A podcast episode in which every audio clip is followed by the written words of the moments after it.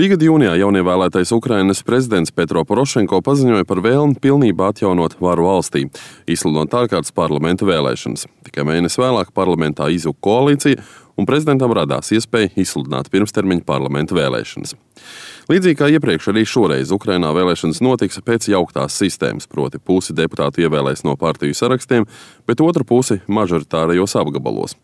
Kopumā šajās vēlēšanās startēs 29 politiskās partijas un vairāk nekā 7000 kandidātu.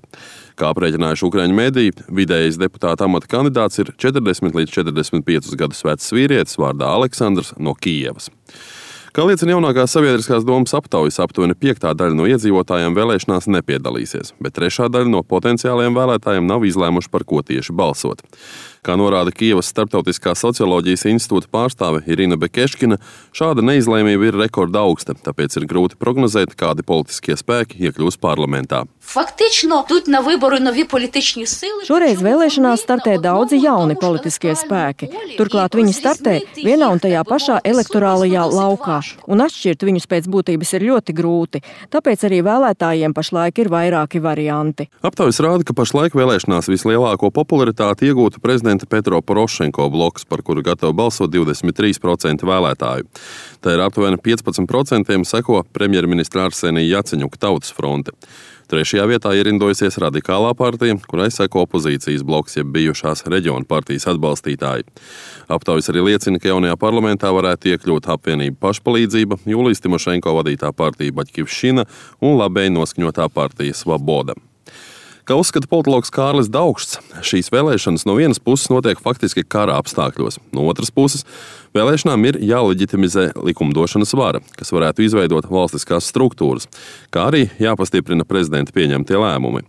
Vienlaicīgi Kārlis Daugšs atzīst, ka pašlaik Ukrainā elektorāts un visa partiju struktūra ir sadalījusies divās daļās. Manuprāt, tur ir viena daļa partiju, kuras ir par kompromisu ar austrumu reģioniem Donbasu un Lugansku. Un otra daļa ir par tādu, kuru var nosaukt par Ukraiņu patriotisku grupējumu, kurš uh, vēlas turpināt karu, nu nevis karu, bet faktiski šo antiteroristisko darbību un to vēl pastiprināt. Un prezidentam, protams, tas būs ļoti sarežģīti, jo viņš ir nostājies uz kompromisa meklējumu ceļiem. Kā jau minēja Kārlis Daugsts, un tam piekrīt arī vairums citu ekspertu, lielākais izaicinājums šo vēlēšanu laikā ir bruņotā konflikta pārņemtā Donbass reģiona vēlētāju viedoklis. No 21 Doņetskas reģiona vēlēšana apgabala vēlēšanas notiks vien astoņos, bet četros apgabalos, kurus daļēji kontrolē Ukraiņu spēku un daļēji nemiernieki, balsošana būs daļēji. Kā aprēķinājusi vēlētāju komiteja un sabiedriskā organizācija Apora, Vēlēšanās nevarēs piedalīties aptuveni pusotras miljonus vēlētāju, un tie ir aptuveni 45% no visiem Doņetskas apgabala iedzīvotājiem. Līdzīga situācija izveidojusies arī Luganskas apgabalā, kur vēlēšanas notiks vien 5 no 11 apgabaliem. Eksperti norāda, ka šajā reģionā priekšvēlēšana kampaņa ir īpaši netīra, jo daudzās vēlēšana komisijās tiek aizliegts strādāt cilvēkiem, kuri nav lojāli vietējai varai. Līdz ar to ir iespējams, ka pateicoties aizliegtām tehnoloģijām, vēlēšanas var nenotikt arī tajos iecirkņos, kur teorētiski balsot būtu iespējams.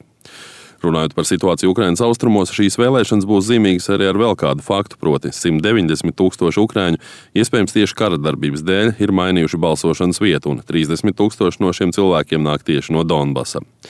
Kā Latvijas radio pastāstīja Ukraiņas vēlētāju komitejas pārstāvis Aleksandrs Černienko, Luganskas un Doņetskas reģionos, kā arī okupētajā Krimā, kopumā netiks ievēlēti 25 augstākās radas deputāti. Taču tas neliekšot nākamajam parlamentam būt leģitīmam. Arī Maskavas rokās šis arguments īsti nedarbošoties. Turpina Aleksandrs Černienko. Ну, эти выборы еще не начались, а Москва уже сказала, что они нелегитимны.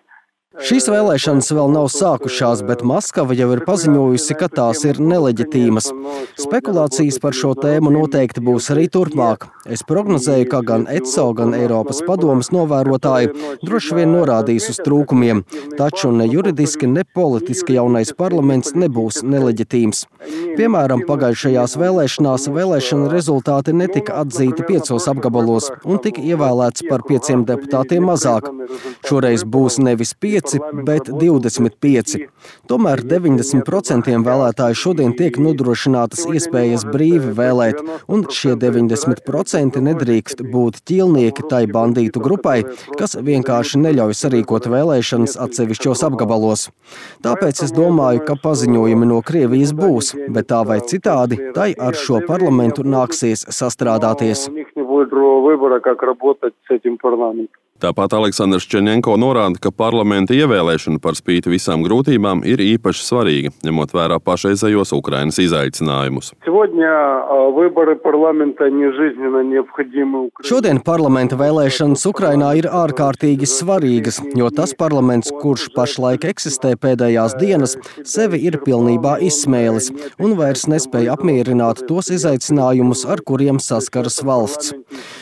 Šajā parlamentā, piemēram, vēl joprojām deputāts ir arī Janukoviča dēls. Saprotams, ka ar šādu parlamentu nekādas reformas īstenot nevajag. Diemžēl mums netika izmainīts vēlēšanu likums, kas dotu demokrātiskāku vēlēšanu sistēmu, taču arī ar šo likumu ir iespējams ievēlēt leģitīmu parlamentu. Priekšvēlēšanu kampaņas ir konkurējošas. Atsevišķos mažoritārajos apgabalos, diemžēl, tiek ziņots par balsu pirkšanu, taču tādas parādības kā administratīvā resursa izmantošana izdarot spiedienu uz vēlētājiem, Ukrainā vairs nav. Savukārt pašreizējais Ukraiņas tautas deputāts Leonīds Jemets pauž pārliecību, ka nākamā augstākā rada varētu būt tikai pārējais parlaments, un tam vajadzētu rēķināties tikai ar gadu ilgu darbību, šajā laikā pieņemot virkni likumu un pēc tam atkāpjoties. Turpina Leonīds Jemets. Чому рік? Конституція передбачає, що Parlamenta, який було Kāpēc gads? Konstitūcija nosaka, ka gada laikā prezidents jaunievēlēto parlamentu atlaist nevar. Tāpēc šī gada laikā ir nepieciešams pieņemt ekonomiskus un militārus lēmumus. Nepieciešams anulēt deputātu neaizskaramību, lai cilvēki nerautos uz parlamentu un neizvairītos no atbildības par saviem kriminālajiem nodarījumiem. Daļa no mūsu parlamenta pašlaik ir reāli noziedznieki, slepkavas un korumpanti. Un viņi turpinās tur būt, jo likums nav pilnīgs. Ir nepieciešams nepieciešams likums par atvērtiem vēlēšanu sarakstiem un ir nepieciešams mainīt likumu par politiskajām partijām, atklāt to finansētājus. Un pēc gada, kad visi šie likumi tiks pieņemti, parlaments ir jāatlaiž. Mūsu uzdevums pašlaik ir attīrīties no tiem cilvēkiem, kuri nevēlas strādāt Ukrainas labā. Pašlaik par valstiski svarīgiem likumiem no 450 deputātiem balso tikai aptuveni 230. Starp citu, jautājums par tā dēvēto varas lustrāciju, jeb varas attīrīšanu, Ukrainā ir aktuāls jau vairākus mēnešus. Kā pieļauj Ukraiņu drošības iestāžu eksperti, tieši ar balsu pirkšanu un piekukuļošanu daudz no līdzinājiem politiķiem vēlas atgriezties pie varas. Tāpēc šim jautājumam tiks pievērsta īpaši liela uzmanība. Zināms arī, ka daži no tīrīšanai pakļautajiem politiķiem pat uz dažām dienām dodoties uz pretterorismu operācijas zonu, lai pret viņiem lustrācijas noteikumus piemērot nevarētu. Nemazums kritikas izpelnījusies arī līdzinējā vara, tostarp prezidenta bloks, kurā kandidēšanai uz parlamentu iekļauts arī vairākas bijušā režīma amatpersonas. Visu šo jautājumu dēļ nereiz vien tiek uzsvērts, ka Krievija nenoliedzami šīs nepilnības izmantos, lai visiem spēkiem vērstos pret jauno Ukraiņas vadību. Kā uzskata politologs Aleksandrs Palīs, Krievija izmanto šīs vēlēšanas, lai vēl vairāk destabilizētu situāciju Ukraiņas austrumos. Pēc viņa vārdiem, tuvākajā laikā var gaidīt konflikta sāsināšanos Donbasā. Москва буде наполягати на тому, щоб на цій стороні Maskava mēģinās ietekmēt ne jau vēlēšanu rezultātus. Līdz vēlēšanām mēs vēl redzēsim Krievu teroristu diversijas Donbasā. Piemēram, Maskava mēģinās ievest parlamentā opozīcijas bloku un uzstās uz to, lai šie teroristi un viņus iepriekš atbalstījušie Janukoviča spēki mēģinātu nokļūt pie varas. Runājot par Maskavas mērķiem, arī Kārlis Daugšs uzskata, ka Maskavai galvenais mērķis ir panākt, lai valdība un parlaments Kijevā nebūtu rīcības spējīgi.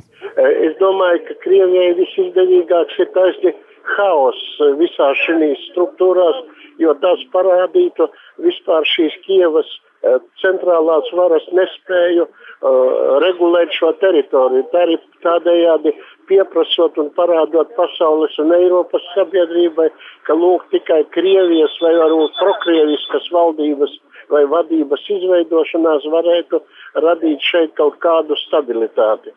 Tas, protams, ir e, tiks izmantots arī propagandistiskajos dažādos e, šis e, informācijas karos. Taču noslēgt gribētos uz kādas nedaudz jautrākas nots. Tā vien liekas, ka arī šajā visnotaļ sarežģītajā laikā daudz no ukrāņiem nav zaudējuši savu humoru izjūtu.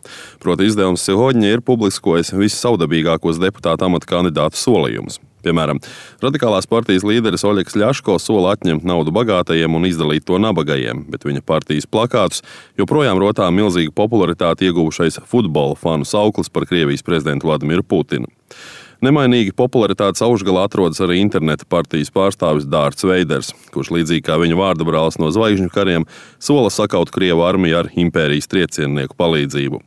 Kijavas blogeris Aleksandrs Barabaško ar iesauku Super Mario visiem bērniem sola saldējumu, sievietēm puķis un pat leģendāro Zaporožets automašīnu ražošanas atjaunošanu. Kāds cits deputāts sola arī 500 eiro mēnesī sievietēm, taču tikai skaistām sievietēm. Savukārt Odeses deputāts Pāvils Koška izlēms apspēlēt savu uzvārdu, solot katram pensionāram pa kaķim. Un noslēgumā jāpiemina Odeses bezdarbnieks un deputāta amata kandidāts Aleksandrs Šarapanovskis, kurš savā priekšvēlēšana programmā iekļāvis arī punktu par to, ka turpmāk par Ukrainas simbolu vairs nevajadzētu uzskatīt sivēnu, bet gan bulli. Uģis Lībijams, Latvijas radio.